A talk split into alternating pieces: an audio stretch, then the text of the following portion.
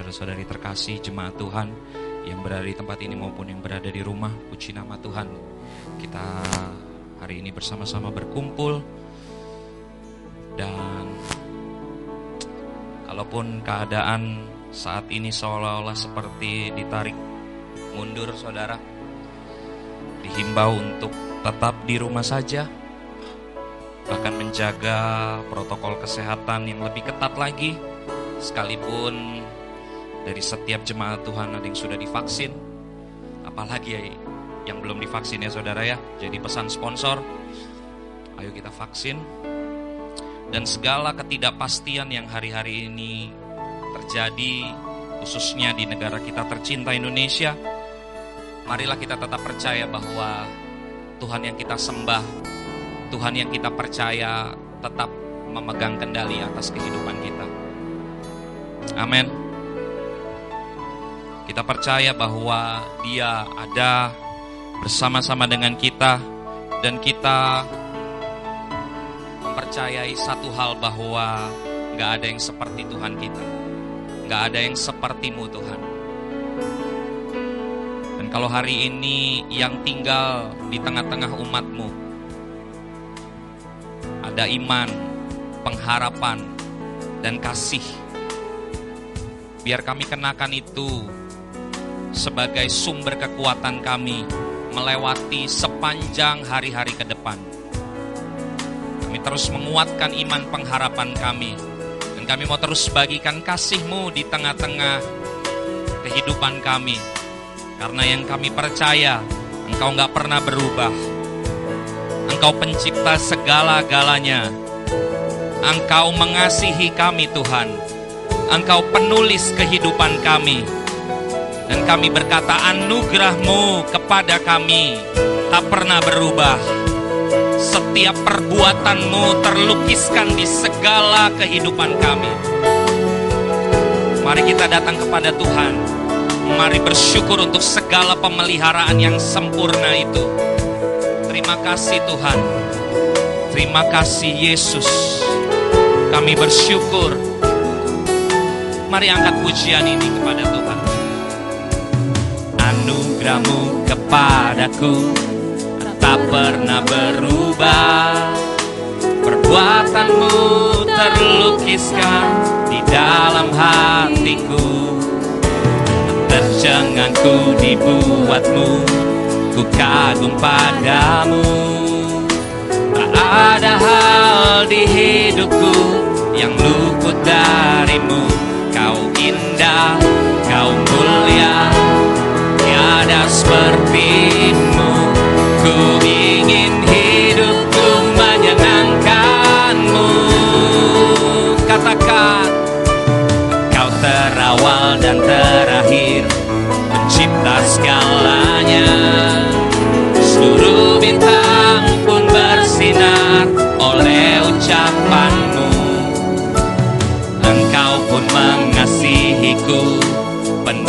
Penulis hidupku, amin Tak henti sedap nafasku. Mari saya ceput kita bangkit berdiri. Puji, ku sembah Tiada sepertimu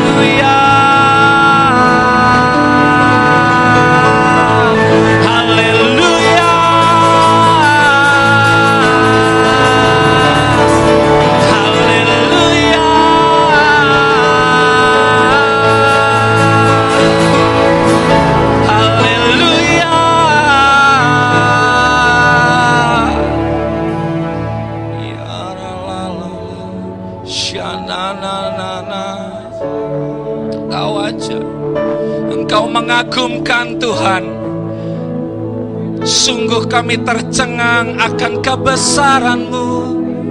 Akan kasihmu di tengah-tengah kami. Hidup kami memuji meninggikan engkau. Haleluya Haleluya Haleluya. Engkau di tengah-tengah kami hari ini Tuhan. Engkau beracara Tuhan. Ambil alih setiap tempat ini Dengan kuasa kuasa firmanmu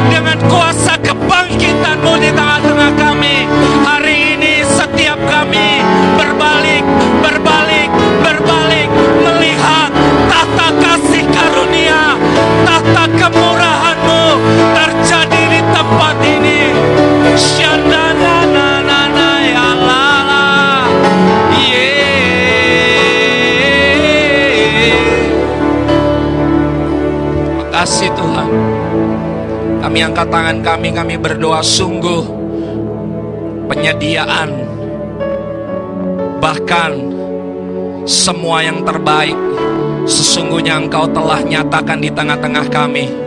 Hari ini yang terbelenggu Kami melihat kelepasan terjadi di tengah-tengah kami saat ini di dalam nama Yesus. Setiap kami yang di dalam kelemahan Kelemahan fisik Kelemahan tubuh jasmani hari ini kami berkata Sungguh engkau Allah penyembuh yang sanggup memulihkan.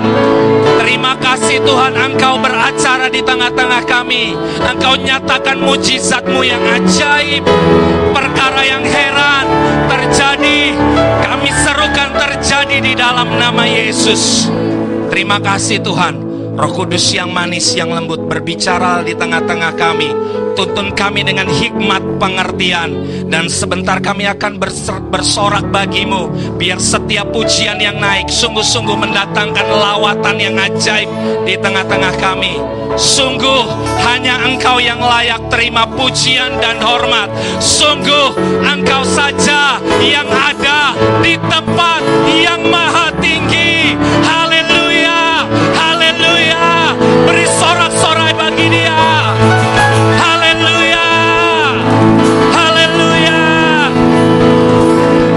Nama Yesus, kami siap memulai ibadah kami pada hari ini. Haleluya, sama-sama katakan Amin, amin Beri kemuliaan, beri sorak-sorai. Silakan duduk saudara. Pujilah Allah di tempat kudusnya. Pujilah Tuhan karena segala keperkasaan dan kebesarannya ajaib di tengah-tengah kita. Dan kalau hari ini kita mau bernyanyi,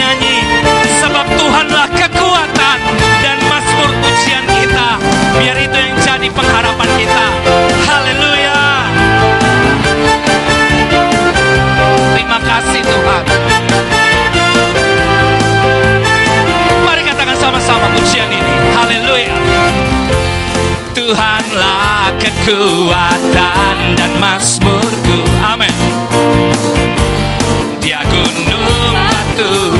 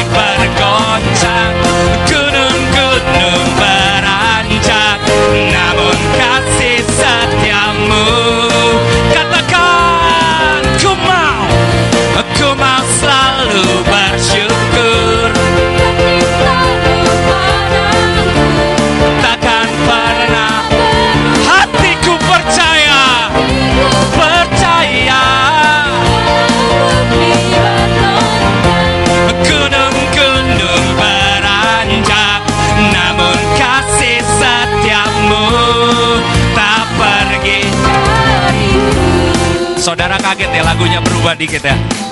Kita percaya semuanya hanya untuk memuliakan nama Tuhan. Amin. Saudara saya mau ngomong sedikit aja. Satu kali ada sebuah cerita. Ceritanya ada sebuah pertandingan antar gereja saudara. Biasanya kalau SMP antar SMP ini antar gereja ceritanya. Mau bola mau futsal Pokoknya satu grup lah Antar gereja A dengan gereja B. Sebelum bertanding Seperti biasa dong anak Tuhan Kita ambil doa dulu dong Waktu untuk berdoa Gereja A berdoa kepada Tuhan Tuhan kami klaim kemenangan menjadi bagian kami. Kami percaya ada kemenangan yang gilang gemilang. Dan kami percaya doa orang benar besar kuasanya. Amin.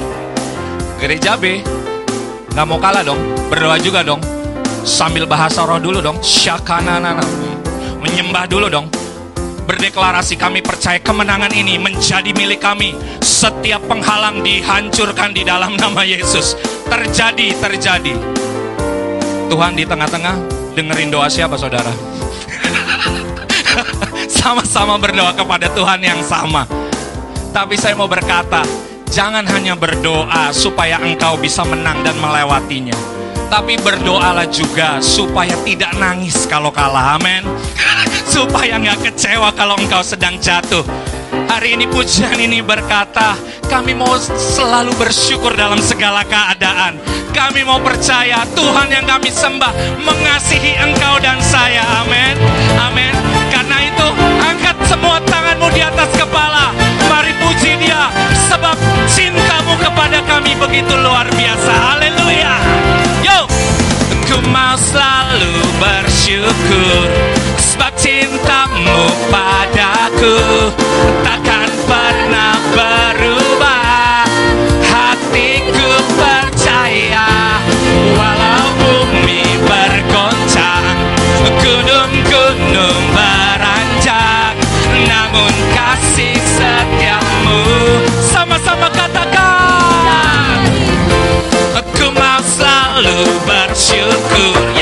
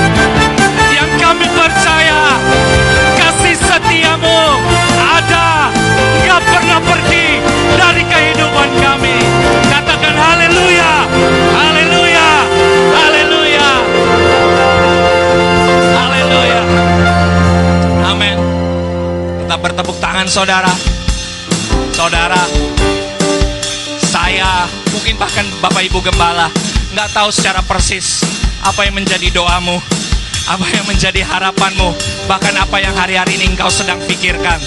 Tapi hari ini pesan Tuhan buat setiap kita. Efesus 3 ayat 20.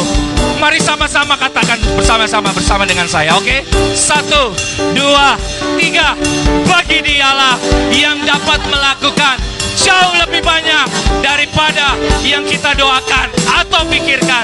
Seperti yang ternyata dari kuasa yang bekerja di dalam kita. Amin amin apa yang kau doakan apa yang kau pikirkan sesungguhnya bagi Tuhan dia yang sanggup mengerjakan jauh lebih besar jauh lebih banyak jauh lebih limpah karena kuasanya bekerja di dalam kita. Amin.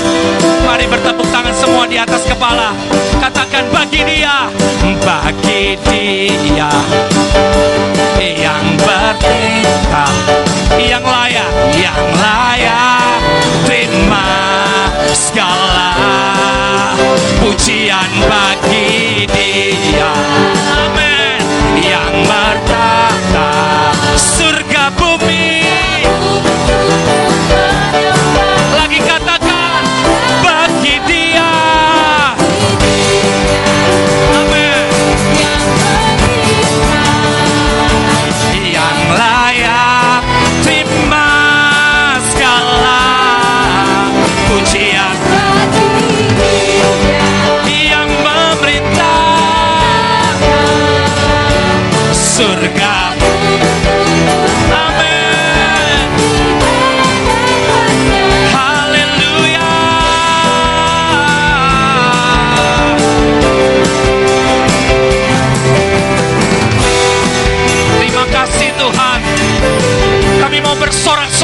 namamu. Bersorak-sorai hai umat Tuhan. Kudus dan mulialah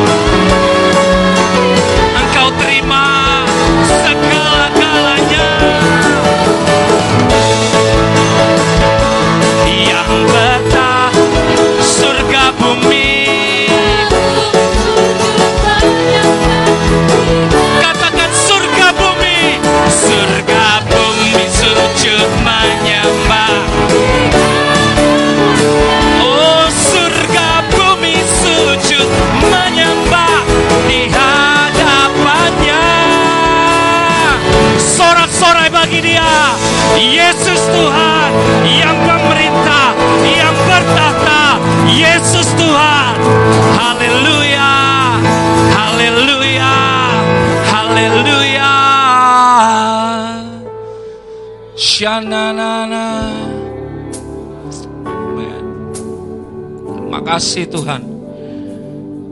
Nggak ada yang Tuhan seperti Engkau. Nggak ada Tuhan yang seperti Engkau. Nggak ada yang mengasihi begitu besar seperti Engkau mengasihi kami. Kasih setiamu, perbuatanmu di tengah-tengah kami membuat kami berkata, Engkau Yesus Tuhan dan Raja kami. Silakan duduk saudara dalam hadirat Tuhan.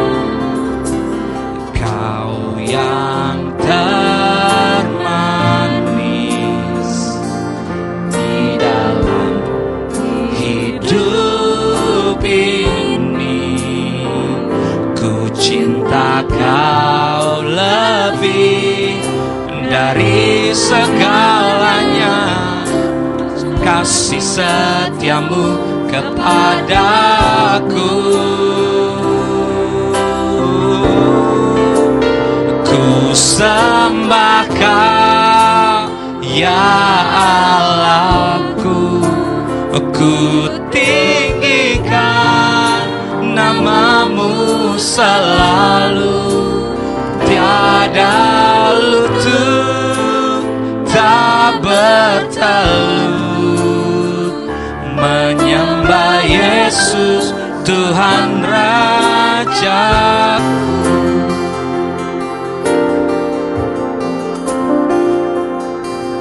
buat setiap kita. Nggak pernah benar-benar mengalami betapa dia yang terindah dan termanis sampai kita sungguh-sungguh mengalami di hidup kita kasihnya, hadirnya begitu indah. Engkau dan saya nggak pernah benar-benar begitu mengerti sesungguhnya berharap kepada Tuhan sampai engkau dan saya benar-benar tidak memiliki apa pun yang dapat diandalkan selain Dia, Yesus Tuhan kita. Hari ini, biar Mazmur 130 menguatkan setiap kita, engkau dan saya dalam segala ketidakpastian, bahwa Dia Tuhan yang mendengar seruan doa kita. Dia Tuhan yang mendengar setiap permohonan kita dan kami Tuhan menanti-nantikan Engkau. Kami berharap hanya kepada janjimu Tuhan. Kami merindukan Engkau lebih dari segala sesuatunya.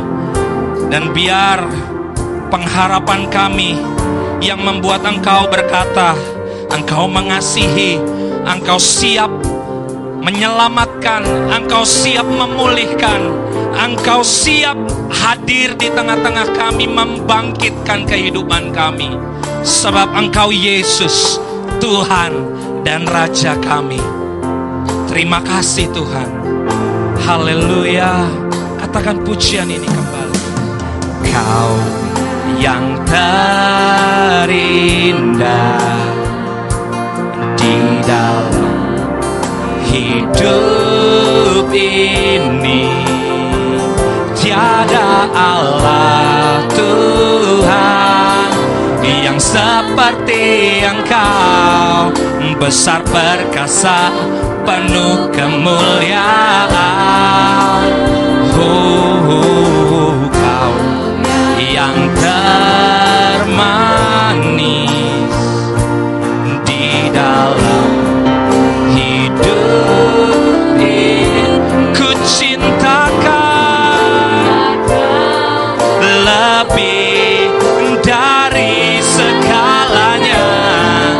side.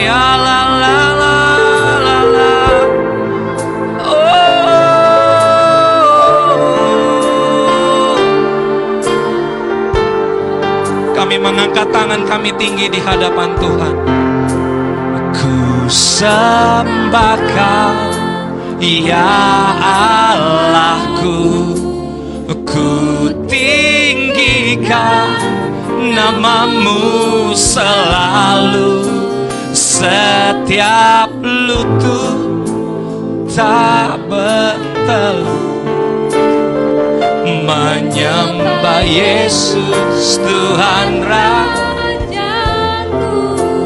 Ku sembah ya Allahku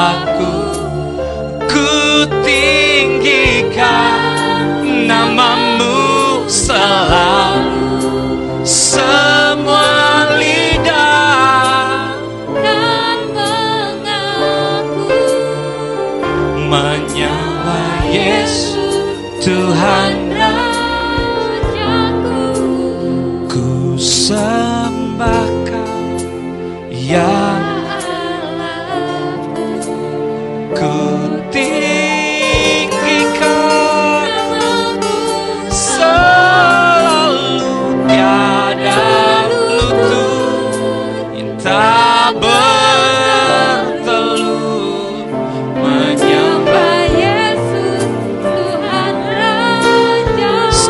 kata ku sembahkan.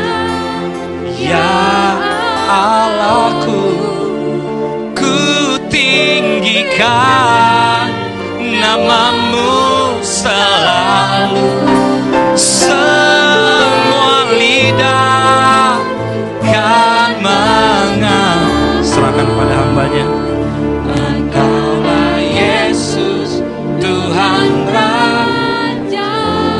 Engkau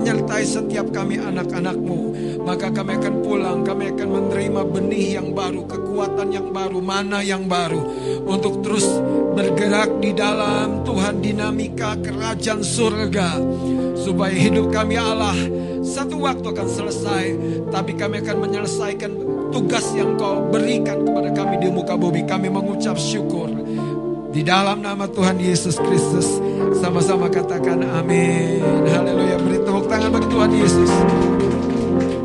Silakan duduk. Bapak Ibu Saudara yang dikasih oleh Tuhan, kita percaya Tuhan sedang dan terus menuntun kita. Amin. Haleluya. Puji Tuhan. Apa kabarnya? Yang di rumah apa kabarnya? Apa pun dan bagaimanapun keadaan kita, Tuhan menyertai kita.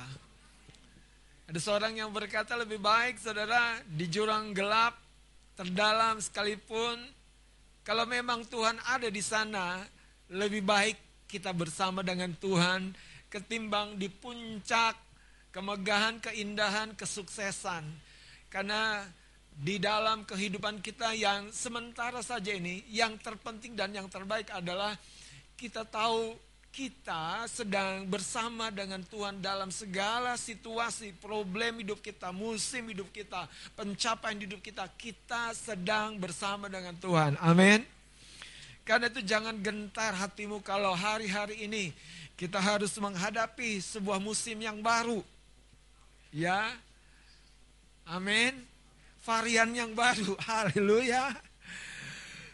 Puji Tuhan, tentu Tuhan menyediakan semangat yang baru.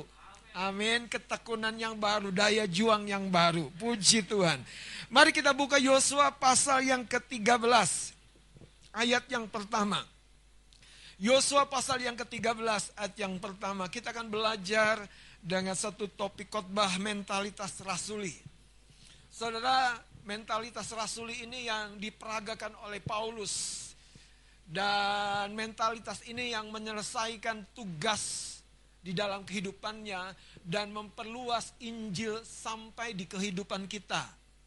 Kalau tidak ada mentalitas rasuli yang dimiliki dan diteladani oleh seorang yang namanya Rasul Paulus, mungkin kita tidak akan mengalami keselamatan. Mungkin. Tapi kita bersyukur ada seorang yang mengabaikan dirinya sendiri berlari dengan segenap kekuatan untuk mencapai apa yang Tuhan rencanakan di dalam kehidupannya. Haleluya. Yosua pasal yang ayat pasal yang ke-13 ayat yang pertama kita akan baca sama-sama. Dua tiga. Setelah Yosua menjadi tua dan lanjut umurnya, berfirmanlah Tuhan kepadanya, engkau telah tua dan lanjut umur. Dan negeri ini masih amat banyak yang belum satu ayat ini, saudara, waktu saya membacanya, saya merasakan hatinya Tuhan buat umatnya.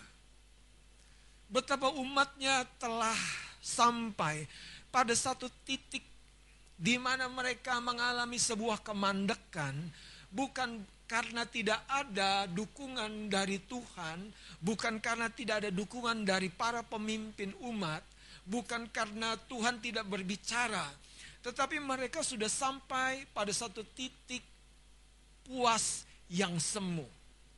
Bagaimana dengan kehidupan kita? Saudara, titik puas yang semu ini berbahaya sekali.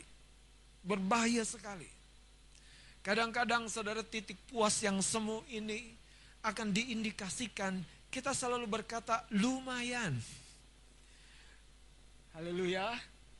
Haleluya. Berapa banyak kita suka pakai kamus ini? Lumayan om, lumayan. Sebaliknya Tuhan ingin kita mencapai lebih, bukan lumayan lagi. Ada betul? Nah, betul. Tuhan ingin kita lebih lagi saudara. Bahkan yang lebih dalam ukuran manusiawi kita itu sebetulnya yang betul di dalam sudut pandang Tuhan yang lebih dalam pemikiran kita itu bahkan itu yang benar dalam penilaian Tuhan. Masalahnya sering kali di dalam mentalitas kita tumbuh satu kepasifan, kelesuan dan pikiran-pikiran yang membelenggu kita sehingga akhirnya saudara kita tidak hidup dengan potensi terbaik Sekali lagi, kita tidak hidup dengan potensi yang terbaik yang sebetulnya Tuhan sudah berikan di dalam diri kita. Kita tidak hidup dengan potensi yang terbaik yang sebetulnya kita punya. Dan itu terjadi karena mentalitas kita sudah sudah hancur, roboh, lemah, tidak berdaya. Saya berdoa musim seperti ini, Anda justru akan memunculkan keceriaan, kecerahan yang menyembuhkan banyak orang yang sedang putus asa, tidak berdaya, tinggal dalam kelemahan, kegelapan. Ayo bagi-bagi, paling tidak bagi senyum bagi pengharapan, bagi doa. Angkat tanganmu saudara akan membawa suasana surga turun di rumah-rumah orang-orang yang hari ini membutuhkan kekuatan dari Tuhan. Lihat ayat yang pertama, setelah Yosua menjadi tua, ini mengindikasikan sering kali saudara, umat itu hidup menurut bagaimana sang pemimpin, betul? Makanya ada sebuah statement yang berkata berbahagialah kalaupun engkau domba-domba, engkau punya pemimpin seperti seekor singa, punya keberanian seperti seekor singa. Tapi cilakalah kalau engkau singa-singa, tapi engkau punya pemimpin dengan mentalitas seperti seekor domba yang lemah dan tidak berdaya. Hari ini saudara, saya berdoa kita menangkap sesuatu bahwa Tuhan ingin seperti dia hidup di muka bumi ini menyelesaikan apa yang ditugaskan Bapaknya. Seperti Paulus hidup di muka bumi menyelesaikan apa yang ditugaskan Tuhannya Yesus Kristus bahwa dia akan berdiri di hadapan raja-raja, bahwa dia akan membawa Injil ke bangsa-bangsa. Dia menyelesaikan tugasnya seperti Petrus hidup saudara dalam keterbatasan pengetahuannya. Makanya suratnya pendek-pendek saja. Tapi Paulus puanjang-puanjang sekali. Karena memang beda saudara, beda, beda. Rasul yang satu itu hanya bisa nyeplos. Tapi dia sudah menyelesaikan tugasnya di muka bumi. Bagaimana dengan kita? Dorcas seorang yang biasa. Dia tidak bisa main piano seperti Kak Sira seperti Kak Ani. Tidak bisa main drum seperti Bang Alfa menggebuk luar biasa. Yang malas-malas memuji Tuhan jadi semangat kan dengar gebukannya kan. Haleluya. Iya kan. Dia nggak bisa klik-klik komputer seperti Kain. Tapi Dorcas bisa menjahit dan dia sudah menyelesaikannya. Berdampak hidupnya. Bahkan pada waktu itu saudara, ibu-ibu janda-janda yang terberkati karena kehidupan Dorcas itu saudara belum cukup ikhlas melepaskan Dorcas yang sudah mengembuskan nafasnya saudara yang terakhir. Mereka membawa mereka membawa Rasul Petrus ke Dorcas. Bukan membawa Dorcas ke Rasul Petrus. Haleluya. Haleluya. Mereka membawa sumbernya, membawa sumbernya ke rumah Dorcas. Haleluya. Ini saudara gereja Tuhan yang hidup dengan mentalitas rasuli. Mereka tahu ada sesuatu yang bisa lebih dilakukan. Kenapa harus tidur kalau kita masih bisa berjaga-jaga, terjaga-jaga? Kenapa kita harus ngantuk-ngantuk kalau kita masih bisa harus berdoa dan berdoa dan doamu itu engkau yakin, engkau tahu akan menghasilkan sesuatu. Kenapa? Kenapa? Pertanyaannya nanti kau ketemukan. Banyak orang hidup dengan sebuah penipuan di dalam imajinasi mereka. Yosua sudah menjadi tua, Makanya bapak-bapak bangkitlah di dalam rumah tanggamu, apa pun keadaanmu. Tegarlah di dalam doamu. Haleluya. Mari kita lihat saudara. Yosua pasal yang ke-18. Sekarang ayat yang ketiga. Saudara, untuk kita hidup dalam mentalitas rasuli, kita butuh yang namanya sikap yang anti malas. Katakan anti malas.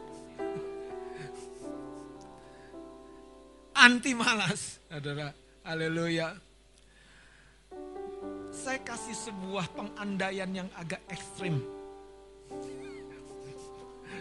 Tolong perhatikan nih. Kalau saudara di mencelokin kupu-kupu, Anda tenang kan? Betul kan? Tenanglah. Dimenclokin kumbang. Hah? Heboh nggak? Heboh nggak? Maaf, dimenclokin, saya kasih yang ekstrim ya. Dimenclokin lalat hijau.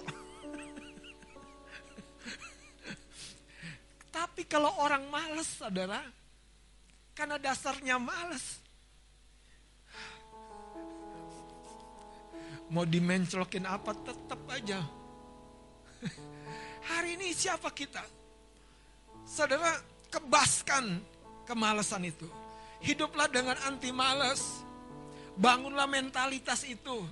Bekerjalah selagi masih siang. Akan datang malam kau tidak bisa bekerja dan tidurlah. Tapi orang yang anti malas itu malam. Wah, baca kitab Amsal saudara. Kalau malam wanita itu menaruh tangannya pada jentera. Dia memintal permadani. Karena dia tahu hasil karya tangannya itu dijual. Dan ketika pendapatan dari hasil karya tangannya itu. Dan dia bisa membeli sebuah ladang. Dan dari ladang itu ditanami, ditanami, dan ditanami. Orang yang seperti ini saudara berbahagia bukan hanya dirinya. Tapi orang-orang yang dekat dengan dirinya berbahagia. Itu mentalitas rasuli. Anti males, anti capek, anti bersungut-sungut. Wong digebukin habis pelayanan di, di kota Filipi tengah malam. Mereka harusnya tidur dan dan bersungut-sungut. Kenapa? Karena sudah letih, capek. Tugas pelayanan dihajar oleh masa, oleh oleh kerusuhan. Tapi tengah malam itu mereka mengangkat tangan dan menyembah. Dan Alkitab yang mencatat apa apa di penjara itu terjadi sebuah keselamatan yang yang sangat signifikan yaitu bagi kepala penjara kota Filipi. Jangan hanya manfaatkan kesempatan yang sepertinya terbuka, manfaatkan kesempatan yang sepertinya tertutup. Karena kesempatan itu di dalam dirimu, saudara. Bukan di luar, tapi di dalam dirimu. Waktu engkau melihatnya dengan kacamata Tuhan, selalu ada kesempatan, selalu ada peluang. Haleluya. Yosua 18 ayat yang ketiga. Puji Tuhan. Mari kita baca di, di, di layar kita. Dua, tiga. Sebab itu berkatalah Yosua kepada orang Israel. Berapa lama lagi kamu apa? Bermalas-malas sehingga tidak pergi menduduki negeri yang telah diberikan kepadamu oleh Tuhan Allah nenek moyangmu. Saudara diawali dari Yosua 13 ayat yang pertama, Yosua sudah lanjut usia. Tapi Yosua belum berhenti mendorong, menggas. Lu ngegas banget, nah itu Yosua tuh. Karena dia gemes saudara lihat lihat prajurit-prajurit ini. Anda tahu generasi Yosua Kaleb itu beda dengan generasi yang sedang dimotivasi ini. Generasi seusianya sudah binasa di padang gurun. Generasi Yosua dan Kaleb maaf ya, generasi 80-an, 85-an. Tapi dia berkata, berapa lama lagi engkau bermalas-malas? Saudara kalau Anda punya usaha, pertanyaannya adalah bukan hanya sekedar gimana caranya mengembangkan, tapi beri sebuah tantangan. Kapan kau buka cabang? Haleluya. Itu mentalitas rasuli. Paulus itu menerjemahkan apa yang ada di hati Yesus. Bahwa dan saya sebagai orang percaya, bukan hanya datang hari Minggu, pulang ketawa ke TV, makan. Dan kembali kepada problem dan kepada keseharianmu. Haleluya. Karena sudah ada sederet rencanamu. Tapi pertanyakan pagi hari ini, apa yang kau tahu yang engkau ingin lakukan? Tuhan, beri aku hari ini kesanggupan untuk bersaksi kepada keluargaku. Melalui apa? Telepon. Melalui apa? WA. Melalui media hari ini saudara. Dan saya berdoa tidak ada yang terlalu hebat yang mampu melampaui kehebatan nama Tuhanmu dan Tuhanku yaitu nama Yesus Kristus yang sudah mengalahkan maut, yang mengalahkan bahkan maut di dalam tubuh siapa? Lazarus yang sudah apa? Sudah terkubur berapa hari? Empat hari. Tidak ada, tidak ada. Betapa luar biasanya kalau engkau dan saya sehati dan nama itu kita serukan dan pagi hari ini kita percaya terjadi kesembuhan di rumah setiap jemaat Tuhan. Terjadi kelepasan di rumah setiap jemaat Tuhan. Terjadi tudung rohani di dalam kehidupan setiap pelayan Tuhan. Tantangannya adalah apakah engkau akan terlena, terdiam atau engkau mengambil sebuah penugasanmu sebagai gereja yang berdoa Saudara, ini yang menarik. Yesus lewat. Dan ketika itu Alkitab mencatat, ada orang gila di Gerasa. Ada baca cerita itu? Orang-orang sampai dicatat mencari jalan yang lain. Karena orang gila ini sudah sudah begitu rupa mengerikan saudara. Dirantai putus. Takut sekali saudara. Teriak-teriak, memukul-mukul dirinya. Itu ya kalau pekerjaan roh itu luar biasa. Itu roh jahat. Apalagi roh kudus. Tubuh Yesus, tubuh Yesus dengan saya. Tubuh dagingnya, tubuh dagingnya itu tidak mengalami kebinasaan. Makanya Thomas masih bisa colok. Ada dagingnya. Daging yang tidak binasa. Itu pekerjaan roh kudus di dalam tubuh Yesus. Orang gila gerasa saudara. Ketika jumpa dengan Yesus. Cuma jangan coba-coba. Kalau Anda tidak tidak memiliki mentalitas yang Tuhan mau ajarkan hari ini.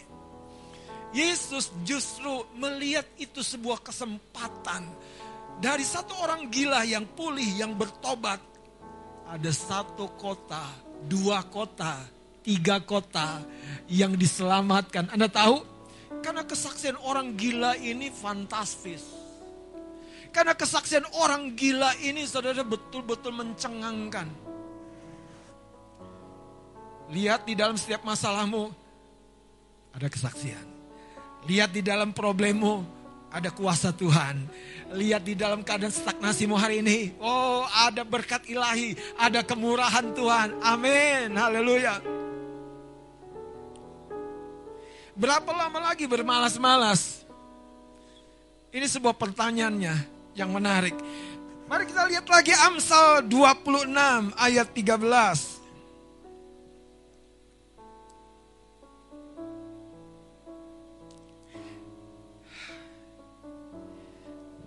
Amsal 26 ayat 13. Mari kita akan baca saudara 13, 2, 3. Berkatalah si pemalas.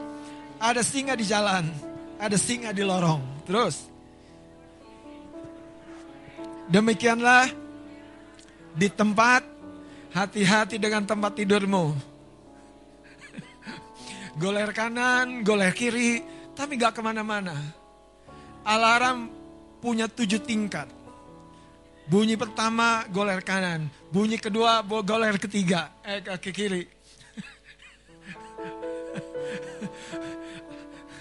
Haleluya, haleluya. Kok om tahu sekali? Saya lihat di wajah-wajah ada kelepasan.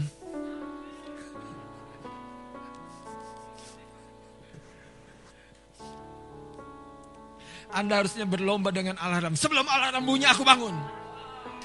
Haleluya.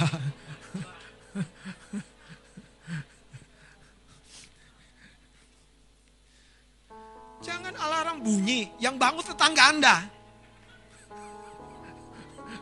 Tuh, bangun woy, bangun, alarm lu bunyi. Coba kalau di retret kayak begitu. Kan cilaka tuh. Woi bangun woi, yang bawah bangun, bangun. Yang bangun yang atas. tempat tempat tidur bertingkat.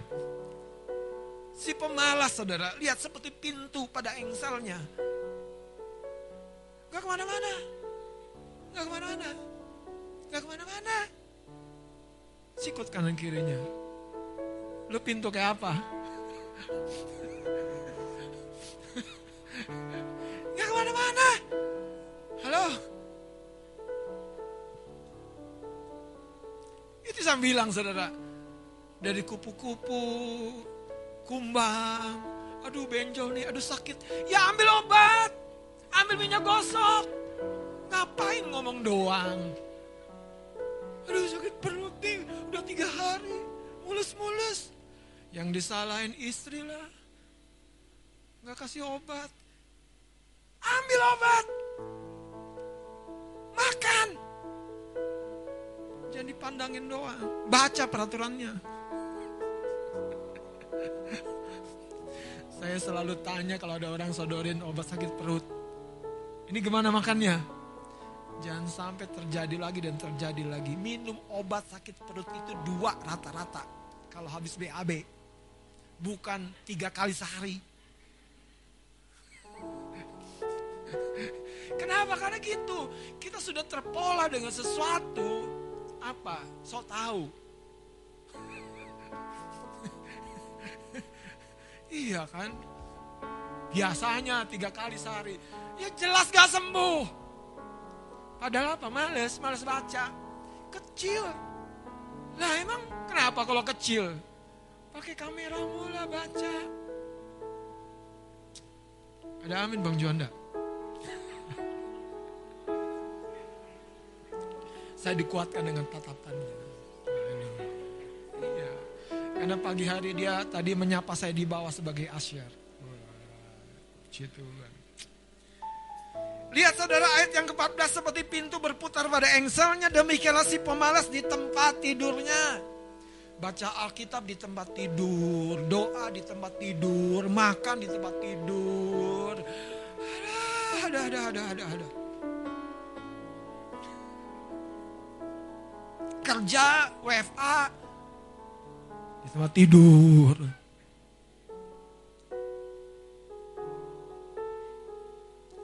Lihat saudara, ayat 15-nya kita baca 2 3. Si pemalas mencelupkan tangannya ke dalam pinggan, tetapi ia terlalu lelah. Memang ungkapan penulis Amsal ini kayaknya iya banget gitu. Terlalu lelah untuk mengembalikan ke mulut. Tuhan, itu tadi tinggal klik saudara, GoFood datang. Tinggal klik. Masih banyak alasan. Susah nih makan. Gak ada yang jualan. Abang lagi manifestasi. Lihat orang malas. Lihat saudara sekarang ayat 16. Kita baca yang di depan. Nah ini dia nih. Dua tiga. Si pemalas menganggap dirinya lebih bijak daripada tujuh orang yang menjawab dengan bijak. Dia kayak tinggal di luar angkasa, lu kagak tahu aja. Itu kan sering kata-katanya, lu kagak tahu aja. Lu nggak tahu aja. Tujuh orang, lu nggak tahu aja. Nyelesain skripsi itu susah tahu. Lu nggak tahu aja. Masalahnya apa? Susahnya apa? Naruh jari di laptop. Apa susahnya? Nabung tuh susah. Berat deh nabung.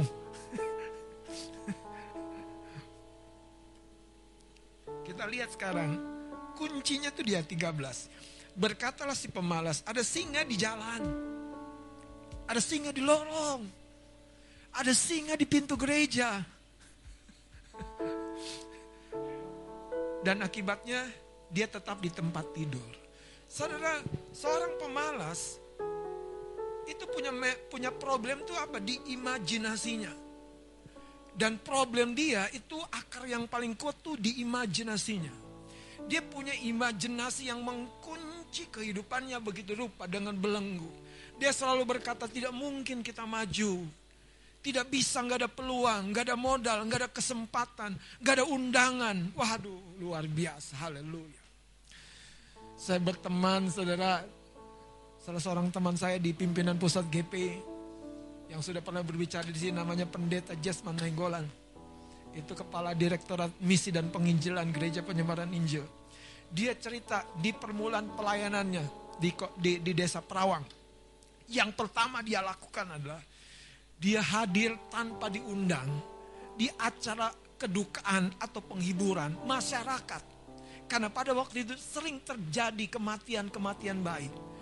Gak diundang, dia datang, dia perkenalkan diri. Dan dengan memperkenalkan diri, orang makin tahu, eh ada hamba Tuhan di tengah-tengah kita. Eh ada pendeta di tengah kita. Dia memanfaatkan kesempatan yang orang bilang, kita kan gak diundang. Jangan kondangan Anda datang. Kedukaan, ah gak diundang.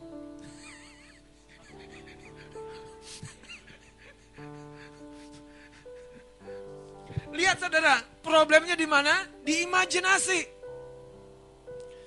Belum selesai nih episodenya. Belum selesai nih. Iya kan? Gak heran saudara. Kalau Amsal bilang, ke kanan ke kiri, kalau kita cuman jarinya ke kanan ke kiri, YouTube-nya nggak ada habis-habisnya. Masalahnya kita punya tugas setiap hari, saudara. Dan seorang yang hidup dengan mentalitas rasuli adalah seorang yang menyelesaikan tugasnya di muka bumi. Satu yang paling kuat dalam orang seperti itu, anti malas. Anti malas. Anti malas.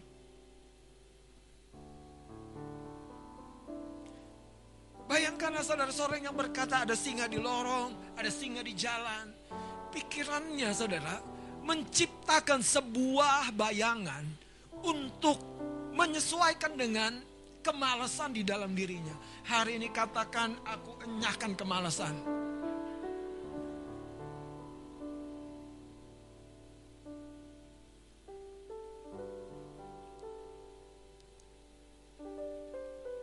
Orang-orang yang hidup dengan mentalitas rasuli, saya mau beritahu saudara satu hari dia akan menceritakan pencapaian-pencapaiannya. Tuhan sedang bangkitkan kau dan saya dengan mentalitas ini. Untuk mulai mengukur pencapaian-pencapaian hidupmu. Dan itu, hidup seperti itu, itu hidup yang benar saudara. Dengerin saya. Hidup yang mengukur pencapaian-pencapaian seperti itu, itu hidup yang benar saudara. Sebaliknya, hidup yang tidak benar itu tidak peduli. Apa yang sudah dicapai, apa yang sudah diraih, nggak peduli. Saya dulu tuh orang yang suka berkata begini, saya jadi pendeta, jadi gembala itu bukan cita-cita. Bukan keinginan, bukan target. Apalagi jadi pemimpin di, di gereja, di, di sinode gereja, bukan. Tapi semenjak Tuhan kondisikan saya, saya makin melihat dan menyadari Tuhan ingin rubah mentalitas itu. Tuhan ingin berlari dia taruh saya di tracknya, di track saya, di jalur saya. Dan ketika Tuhan taruh saya di jalur itu, lari tidaknya, cepat tidaknya, itu tergantung saya. Hari ini sudah kan kau tahu bahwa engkau sedang Tuhan taruh di trackmu, di relmu itu. Dan engkau sudah, ya ini dia. Dan aku lari secepat-cepatnya. Kalau belum saudara, izinkan Tuhan berbicara di kedalaman hatimu. Apa yang membuat engkau ragu? Apa yang membuat engkau stuck, mandek, tidak berdaya? Apa yang membuat engkau rasanya tidak punya sebuah kesaksian yang besar, saudara? Apa yang membuat kau berkata ada singa di lorong, ada singa di jalan? Dan kau selalu berkata, nggak bisa, nggak mungkin, nanti. Dan kadang-kadang kita juga berkata, lumayan, lumayan, lumayan. Karena hidup seperti itu yang ada di dalam cetakan jiwa kita, mental kita. Lumayan, lumayan. Anda harus bilang begini, lumayan bang, lumayan. Rumah udah tiga, lumayan. Boro-boro bang, satu aja lagi berjuang. Iya, jangan takut. Tuhan bersamamu dalam perjuanganmu. Haleluya. Tapi jadikan itu apa? Pijakan-pijakan tangga. Dan bukan untuk kebanggaan, enggak. Satu hari itu akan dilepasin semuanya. Rumah yang kedua, rumah singgah. Wah.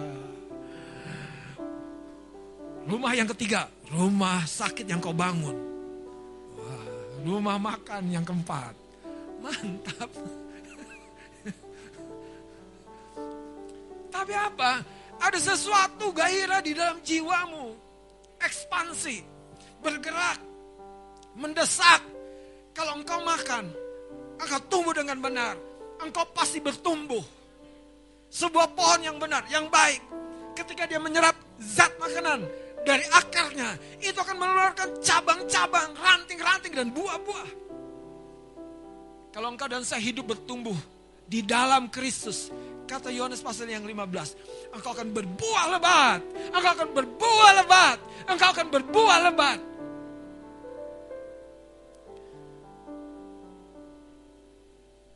Satu hari, Tuhan kasih mimpi sama kami, sama istri saya kan udah salah. Itu menjelang Bang Adit ini baru jadi sarjono. Tuhan kasih mimpi sama kami, kami tuh eh, apa seperti eh, mengendarai mobil balap ya, mobil balap yang canggih. itu pada waktu itu generasinya Bang Adit tuh baru mau selesai selesai semua. Teman-teman di kampus Gici itu baru selesai.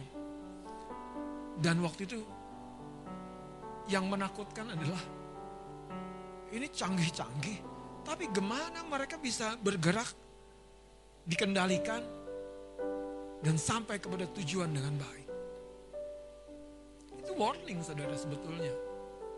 Se- Melalui mimpi yang sederhana dia. Hari ini hidup kita punya potensi yang hebat, yang besar. Seperti mobil balap tadi. Tapi kalau Anda pakai masuk kampung, keluar kampung ya nggak nggak cocok. Anda bisa nubruk saudara tukang bakso. Anda harus ada di apa? Lintasan pertandinganmu. Haleluya. Jangan ingini yang bukan dirimu.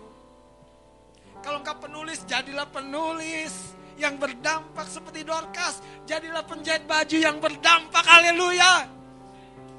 Kalau engkau pemusik, jadilah pemusik yang berdampak. Saya membaca kisah seorang pemusik yang antik, unik. Di renungan pagi, saudara. Yang sebetulnya sebelumnya dia adalah seorang pemain sepak bola. Yang karena sebuah kecelakaan lumpuh dan dalam perawatan dan perawat yang merawatnya memberikan satu buah gitar untuk menemani dia. Tapi dari dari kejadian dari kecelakaan seperti itu Saudara.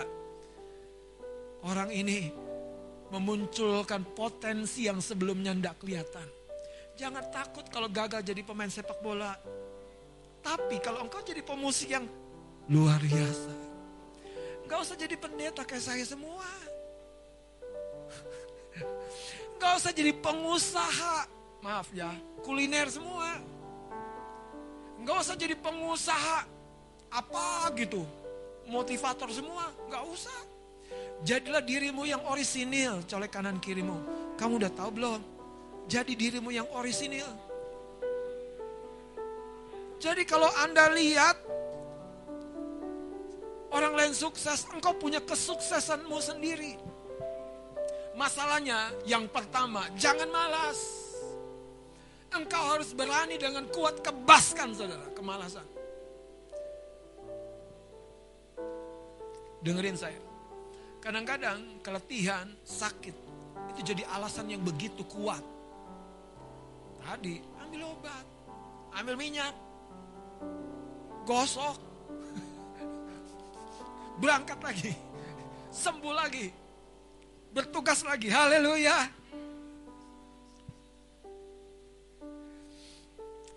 Kita lihat sekarang kita pengkhotbah.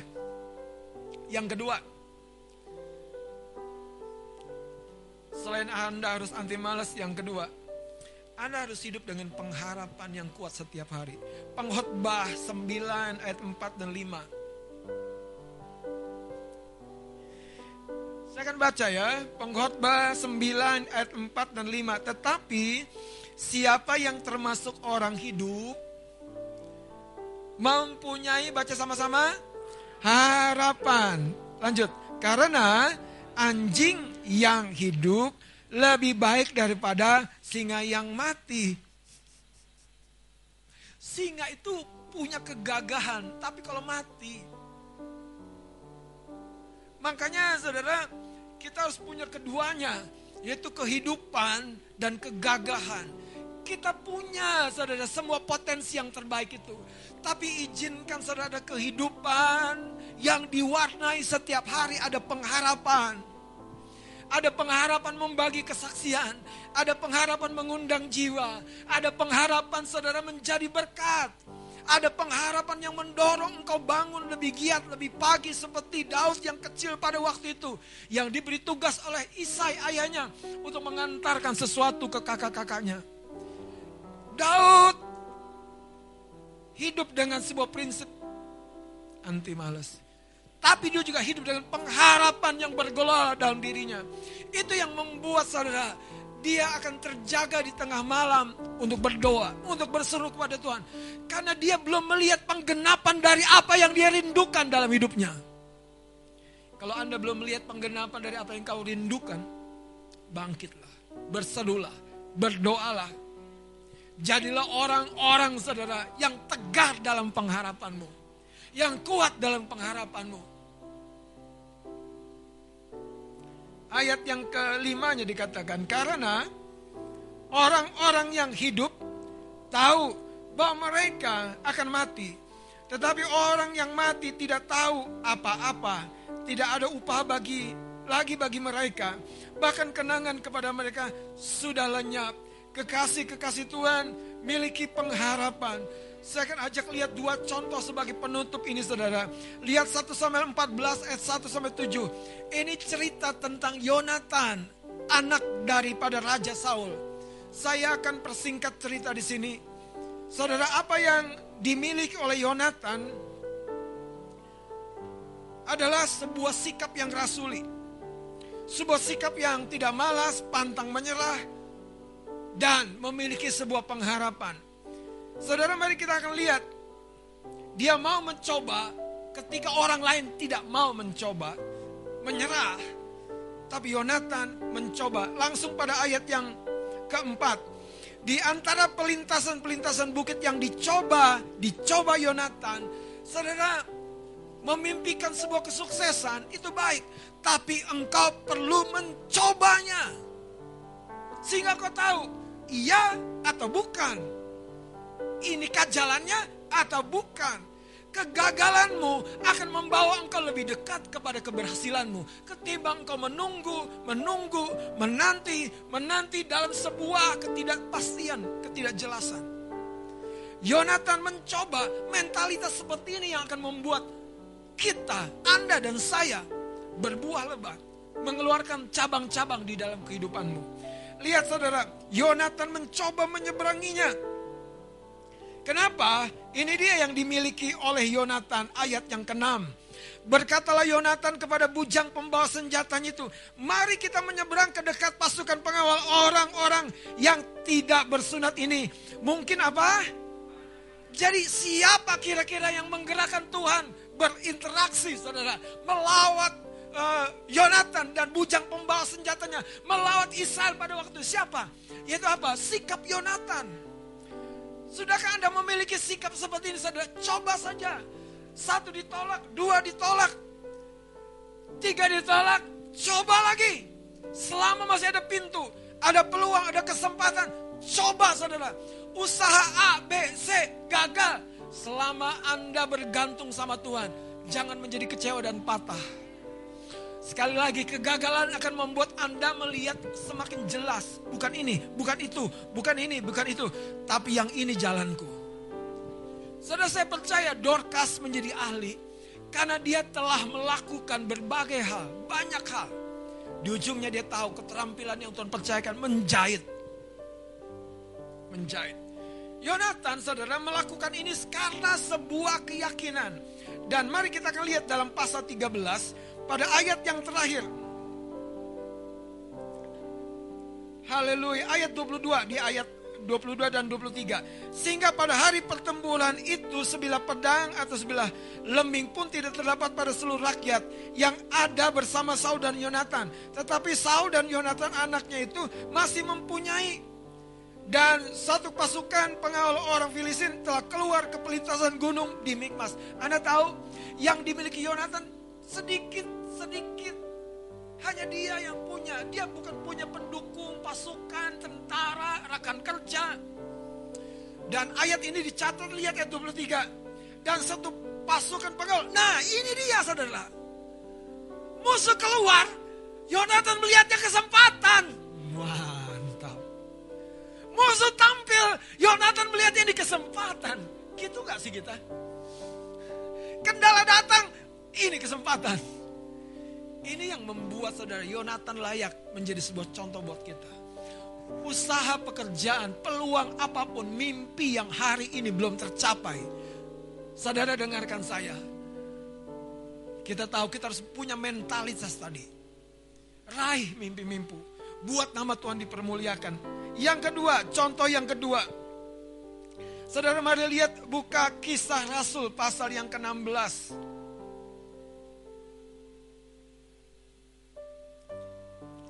Haleluya. Kisah Rasul pasal yang ke-16 ayat yang ke-9 saya akan baca. Pada malam harinya tampaklah oleh Paulus satu penglihatan ada seorang Makedonia berdiri di situ dan berseru kepadanya katanya menyeberanglah kemari dan tolonglah kami. Belum ada sebuah arahan yang begitu lengkap, begitu begitu presisi, begitu detail, belum ada. Hanya sebuah mimpi. Saudara tetapi orang-orang yang hidup dengan mentalitas rasuli dia tahu ini tanda dari Tuhan. Kalau tanda dari Tuhan itu artinya dia menyertai. Dia ingin kita melangkah dengan percaya. Apakah Anda tahu banyak tanda dari Tuhan sudah Tuhan berikan dalam hidupmu? Pertanyaannya sudahkah kau melangkah? Lihat cerita ini saudara. Ayat 10-nya. Setelah Paulus melihat penglihatan itu segeralah kami mencari apa? Mencari apa? Kekasih-kekasih Tuhan. Kita perlu hidup dengan sikap ini cari kesempatan, lihat peluang, raih apa yang belum terlihat. Dan engkau akan menyelesaikan hidupmu dengan berbahagia. Mari kita lihat dengan cepat 1 Korintus 16 ayat 9. Ini mentalitas rasuli ini saudara, saya berdoa, Anda tangkap. Prinsipnya sederhana saudara. Jadilah seorang yang hidup di atas rata-rata Hiduplah anti malas saudara. Kenapa? Karena ada tugas yang dipercayakan kepadamu. 1 Korintus 16, 1 Korintus 16 ayat yang ke-9. Rasul ini melihat kesempatan di balik tantangan. Sebab di sini banyak kesempatan. Apa? Banyak? Banyak kesempatan. Banyak kesempatan. Katakan banyak kesempatan. Di kanan kirimu banyak kesempatan Jangan lihat dari satu sudut pandang. Banyak kesempatan. Saya lanjutkan saudara. Untuk mengerjakan pekerjaan yang besar. Haleluya. Kita tahu ini yang dia miliki. Dia rindu melakukan perbuatan dan pekerjaan besar. Dia ingin punya proyek besar. Dia rindu bukan hanya memenangkan satu keluarga, tapi dia rindu memenangkan satu kota. Terus dikatakan saudara, sekalipun ada banyak apa? Penentang. Jangan mundur. Saya mau tutup dengan sebuah cerita yang saya sudah sampaikan di doa pagi pada waktu kemarin tentang seorang janda yang mengajukan perkaranya kepada hakim yang tidak takut akan Allah. Saudara, kita perlu hidup dengan sebuah mentalitas untuk meraih peluang kesempatan, kemajuan, dan pencapaian. Raih itu. Janda ini, janda ini tahu dirinya sendiri tidak mungkin menang dalam kasusnya. Ada peluang yang rasanya berat sih. Karena peluangnya sama hakim yang lalim, saudara. Berat nggak? Berat. Tapi janda ini tidak mundur juga toh Maju, ditolak gak? Ditolak. Maju lagi, ditolak gak? Ditolak lagi. Maju lagi, ditolak gak? Tujuh kali orang benar jatuh, dia akan bangkit pula. Orang benar harus mengekspresikan kebangkitan di setiap peluang kehidupanmu. Bangkitlah pada pagi hari ini. Bangkitlah saudara. Saya berdoa apa yang Tuhan mau percayakan di tengah tahun ini sampai akhir tahun ini akan termanifestasi. Katakan amin. Akan termanifestasi. Haleluya. Mari kita bangkit berdiri saudara. Kita perlu berdoa supaya kita menerima jiwa yang siap sedia untuk melawan setiap kemalasan, kemandekan, rasa habis pak akal, tidak berdaya. Kenapa? Karena Tuhan sudah menaruh dengan sempurna potensi yang besar dan dahsyat di dalam kehidupan setiap engkau dan saya. Haleluya. Amin. Kita nyanyikan saudara referen pujian terakhir di, di penyembahan kita. Lagu lagu pujian. Lagu sukacita. Haleluya. Amin. Tampilkan sairnya. Ya, bagi dia. Amin. Haleluya. Katakan sama-sama bagi dia.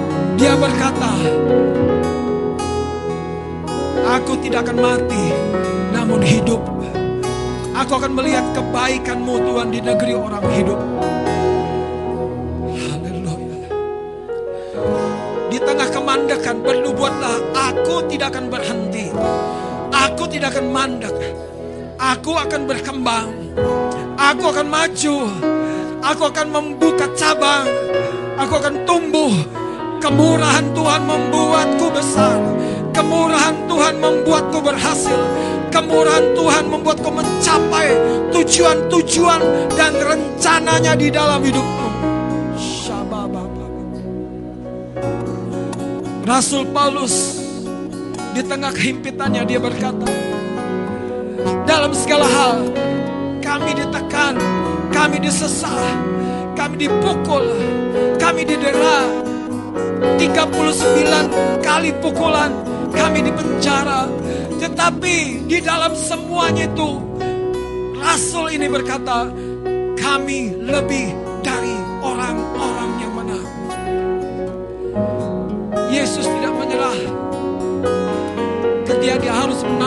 pukulan demi pukulan, hinaan demi hinaan, ejekan. Yesus tidak menyerah ketika dia harus tergantung di kayu salib.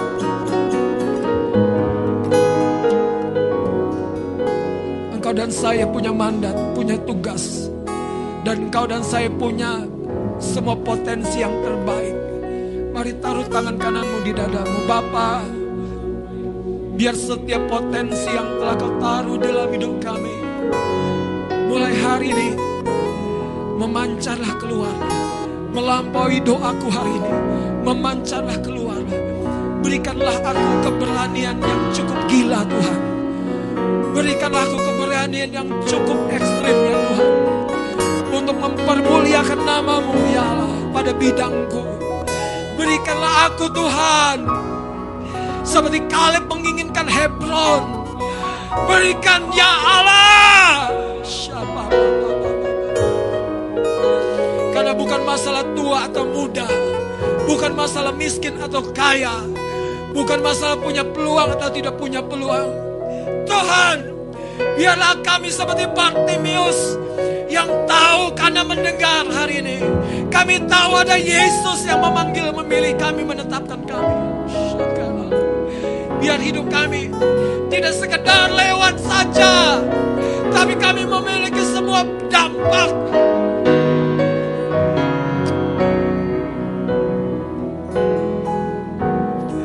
Kinama sakala. Beri kami kasih karuniamu pagi hari ini. Supaya kami pulang punya mimpi yang baru. Kami pulang punya obsesi ilahi yang baru. Kami pulang punya kerinduan yang baru, Tuhan. Kami pulang tidak biasa dan sama saja. Kita bosak karala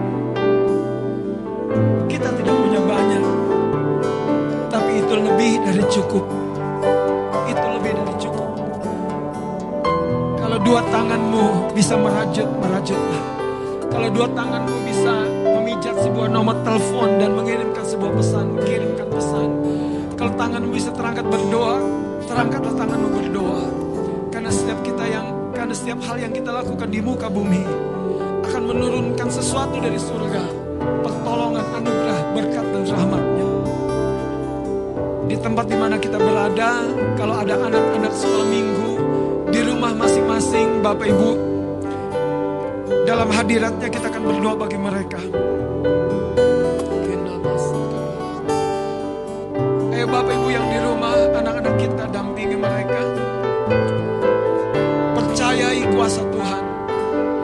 semua kita hanya saluran. Semua kita hanya jembatan. Dia yang mempunyai segalanya. Kira basaka Di mana pun anak-anakmu Tuhan Di mana pun mereka sedang ada Dalam keadaan dan suasana seperti apa Tuhan aku berdoa. Kalau hanya beberapa remaja di tempat ini pun Tuhan jamah. Tuhan jamah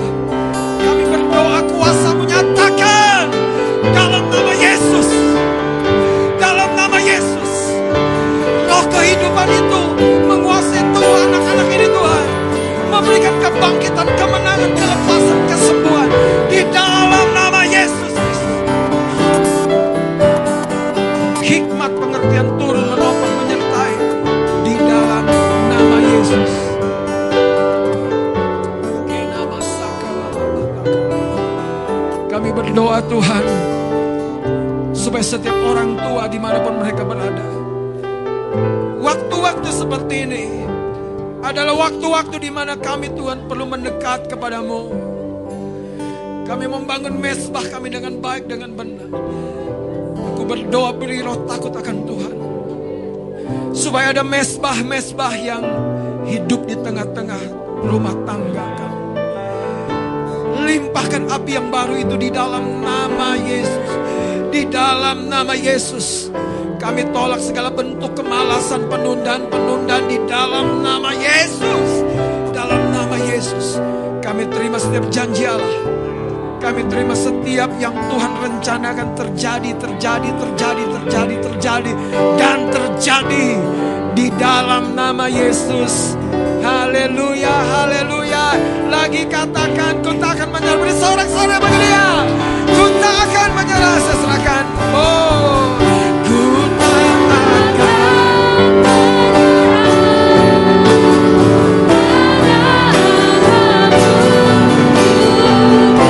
Sebelum ku coba semua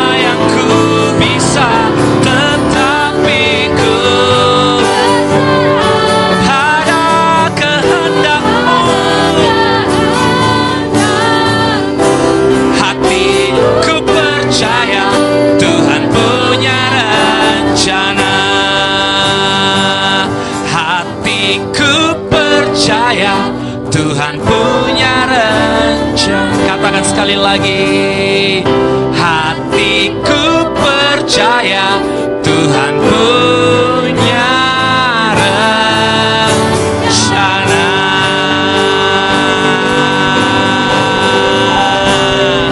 Haleluya. Haleluya. Yang kami miliki hati yang percaya bahwa di tengah kehidupan kami Tuhan merancangkan dan merencanakan yang indah terjadi atas kehidupan setiap kami. Berbuah berdampak jadi terang di mana pun kami berada. Di dalam nama Yesus kami bersyukur berdoa. Haleluya. Sama-sama katakan amin. Beri kemuliaan yang dahsyat yang terbaik bagi dia Yesus Tuhan kita. Haleluya. Silakan duduk saudara. Dalam hadirat Tuhan puji Tuhan. Baik. Kita akan mendengarkan pengumuman sepekan ke depan biar setiap kita memperhatikan informasi kegiatan sepekan hari Minggu 27 Juni 2021 yang pertama hari Jumat ini akan diadakan eh, persekutuan doa Yud tanggal 2 Juli 2021 jam 7 malam di sekretariat. Buat setiap kita anak-anak muda generasi-generasi muda, mari datang hari Jumat ini jam 7 malam di sekretariat karena diadakan persekutuan doa yud. Dan informasi tambahan buat setiap kita, baik setiap kita yang berada di eh, gereja maupun yang berada di rumah, mulai minggu depan, ha- hari Minggu tanggal 4 Juli 2021, ibadah raya secara offline seperti ini dikhususkan untuk pelayan Tuhan saja, di mana bagi pelayan Tuhan yang tidak bertugas tetap bisa hadir dengan jumlah yang tetap dibatasi dan wajib mendaftarkan ke sekretariat. Jadi harap diperhatikan buat setiap pelayan Tuhan yang memang tidak bertugas pada minggu itu tetap bisa hadir dan mendaftar ke sekretariat. Dan jemaat umum dihimbau untuk tetap mengikuti ibadah melalui live streaming Facebook GP Kema Pujian. Dan di rumah masing-masing ataupun di mana pun saudara-saudari berada kita tetap bersyukur lewat keadaan ini Tuhan mendatangkan kebaikan buat setiap kita. Amin. Dan jika ada tambahan pengumuman dari Bapak atau Ibu Gembala dipersilakan. Eh, jemaat yang dikasih oleh Tuhan, perubahan ibadah ini bukan sekedar karena COVID-nya naik ya di Jakarta. Tapi memang ada himbauan. Yang pertama dari pemerintah pusat dan dari pemerintah DKI Jakarta dan juga dari eh, Bimas Kristen. Dan kita sebagai warga negara yang baik, itu salah satu eh, dasar untuk kita melakukan penyesuaian. Ya, Sa- Kenapa saya sampaikan seperti ini? Supaya jangan ada sebuah pemikiran yang berkembang bahwa ya karena begini, karena begitu. Nah, saya berdoa pun kita para pelayan Tuhan hadir dengan sebuah misi kalau hari Minggu di tempat ini. Dari tempat ini kiranya menjadi mercusuar bagi semua jemaat Tuhan di mana pun berada. Kita akan mengangkat tangan berdoa seperti hari ini, saudara. Kita akan mendeklarasikan kebenaran seperti hari ini, bahkan lebih lagi. Karena gereja bukan sekedar kumpulan orang-orang yang hadir karena memenuhi undangan ibadah. Tapi gereja adalah kumpulan prajurit-prajurit, saudara. Amin. Ini masanya kita menyandang senjata. Colek kanan kirinya, ini masa kita menyandang senjata. Senjata kita adalah doa, saudara. Doa. Amin. Bahkan siap sedia kalau nanti ada instruksi kita puasa. Amin. Karena saya percaya saudara, kalau pertempurannya makin sengit, kemenangannya semakin dahsyat. Iya, iya, iya, amin. Dan impactnya kalau Anda baca 1 sampai 14 tadi saudara, dari 20 orang yang dikalahkan oleh dua orang, itu meluas, meluas, meluas, meluas. Saya percaya gereja kita hanya sebagian kecil area yang Tuhan percayakan, yang kita perlu duduki, yang kita perlu pertahankan, yang perlu kita deklarasikan, yang perlu kita injakan kaki ini dengan percaya. Tuhan ada di sini bersama dengan kami. Dan dengan semuanya itu biar mengalir saudara. Mengalir, mengalir kepada rumah-rumah jemaat di mana pun mereka berada. Setuju? Mau tetap dengan komitmen ini? Amin. Jangan hanya segera datang besok. Ya para pelayan Tuhan. Datang dengan pemikiran rasuli seperti ini. Kebaskan kemalasan. Hidup dengan anti malas. Alarm bunyinya satu aja. Tuhan Yesus memberkati. Haleluya, haleluya. Saudara percaya, di tengah keadaan yang mungkin sepertinya menghambat, engkau dan saya seperti akar yang semakin merambat. Amin. Keren nggak? Biasa aja ya. Haleluya. Sebab kita tahu sumber kita, pokok anggur yang benar kita, itu yang membuat kita makin hari makin berbuah lebat. Amin. Baik, kita akan memberikan persembahan kita di hadapan Tuhan. Mari siapkan persembahanmu. Persembahan akan diedarkan atau dilakukan satu kali dan bagi setiap jemaat Tuhan yang beribadah di rumah, persembahan dapat ditransfer ke rekening bendahara gereja dan dititipkan melalui sekretariat. Mari siapkan persembahanmu. Kita berdoa di hadapan Tuhan. Bapa kami mengucap syukur. Kebenaran firman-Mu iya dan amin terjadi buat setiap kami. Biar genap apa yang menjadi tujuanmu Tuhan di tengah-tengah umatmu. Kami berdampak, kami berbuah, kami berakar kuat. Sebab kami tahu Tuhan hari ini kami telah mengebaskan setiap kemalasan. Dan kami melihat sungguh pengharapan di dalam Tuhan itu terjadi atas kehidupan kami. Terima kasih Tuhan, terima kasih. Dan kalau hari ini kami membawa persembahan kami, biar ini menjadi satu wujud penyembahan kami yang sejati di hadapan Tuhan. Kami membawa korban syukur kami, bukan karena kami berkekurangan, tapi kami justru berkelimpahan dalam kemurahan dan anugerah Tuhan. Kami berdoa setiap kami melakukan bagian kami yang terbaik dalam ucapan syukur. Kami juga berdoa melepaskan berkat-Mu Tuhan buat hambamu yang mengedarkan uh, kantong persembahan ini bahkan orang-orang yang Tuhan percayakan untuk mengelola persembahan semuanya Tuhan dipakai Tuhan untuk menyatakan kerajaan-Mu Tuhan di tempat ini. Terima kasih Tuhan, terima kasih. Di dalam nama Tuhan Yesus kami siap memberi korban kami. Haleluya, sama-sama katakan. Amin, amin, amin. Sambil kita membawa korban persembahan kita, kita percaya bahwa pujian ini menguatkan setiap kita. Kita mau berkata, Tuhanlah kekuatan dan mazmur kita. Dia gunung batu dan keselamatan kita yang ajaib. Haleluya. Sama-sama katakan. Tuhanlah kekuatan dan mazmurku.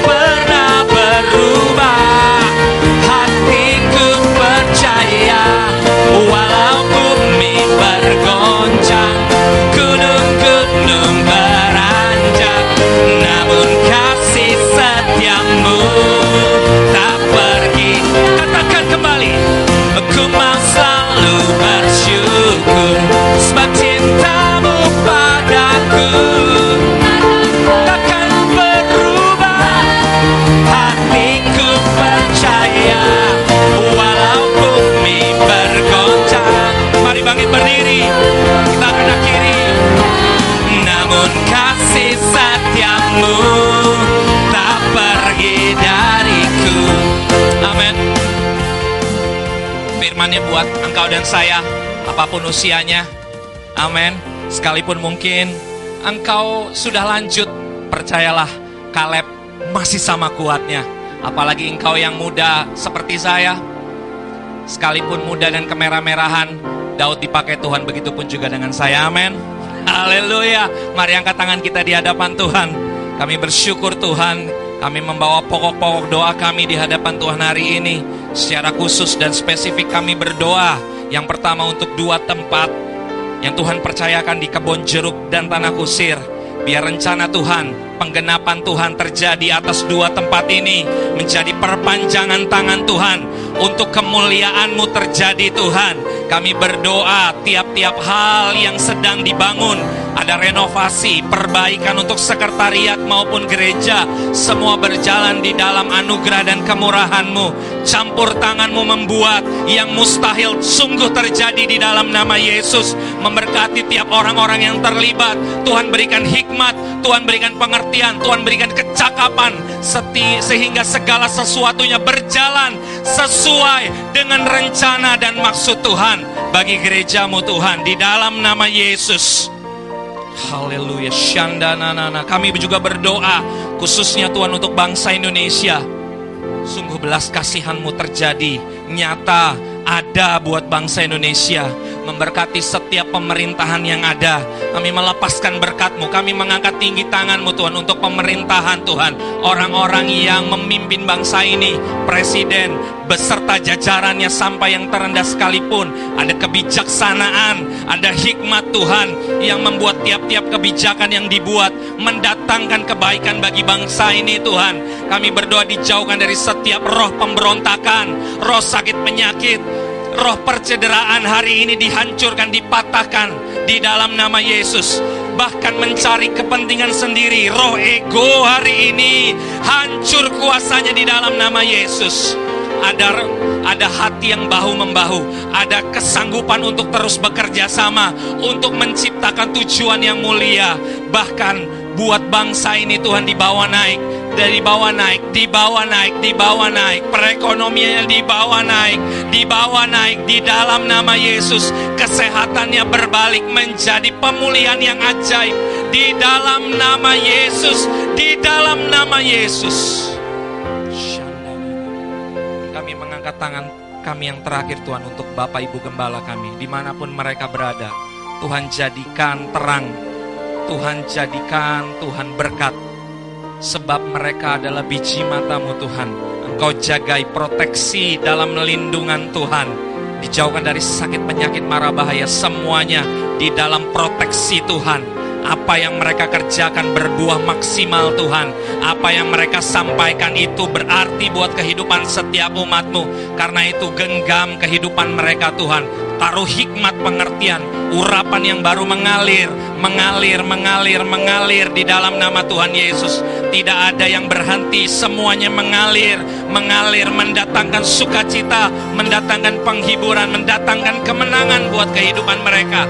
Dan itu juga yang pastinya akan diterima setiap umatmu. Sepanjang minggu ini Tuhan, ada di dalam proteksi Tuhan.